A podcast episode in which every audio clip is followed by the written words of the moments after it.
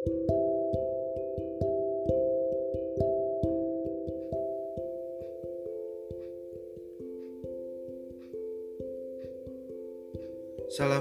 warahmatullahi wabarakatuh. Selamat berjumpa kembali dalam pembahasan materi kuliah pendidikan Pancasila hari ini bersama saya Aang Supriyatna. Tema materi pada sesi kali ini akan membahas tentang sumber historis, yuridis, dan sosiologis Pancasila sebagai dasar nilai dalam pengembangan ilmu serta dinamika dan tantangannya.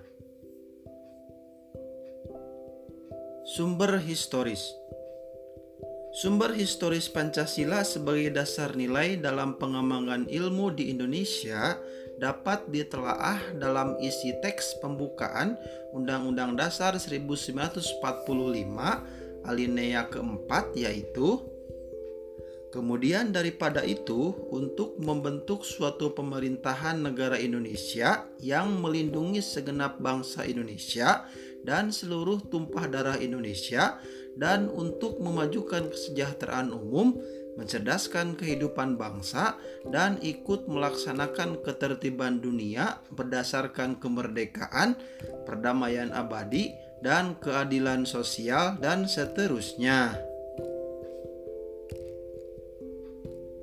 Dalam teks pembukaan Undang-Undang Dasar 1945 tersebut terdapat kalimat mencerdaskan kehidupan bangsa.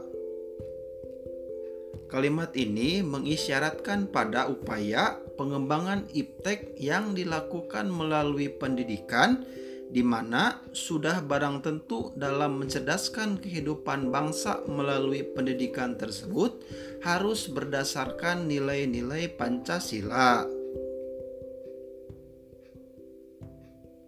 Sumber sosiologis Adapun sumber sosiologis Pancasila sebagai dasar nilai dalam pengembangan ilmu dimaksudkan bahwa bagaimana peran serta masyarakat untuk menganalisis dampak perkembangan dan penerapan iptek pada kehidupan masyarakat. Sumber politis Pancasila sebagai dasar nilai pengembangan ilmu pada zaman Orde Lama belum secara eksplisit dikemukakan, tetapi oleh Soekarno dikaitkan langsung dengan dimensi kemanusiaan dan hubungan antara ilmu dan amal.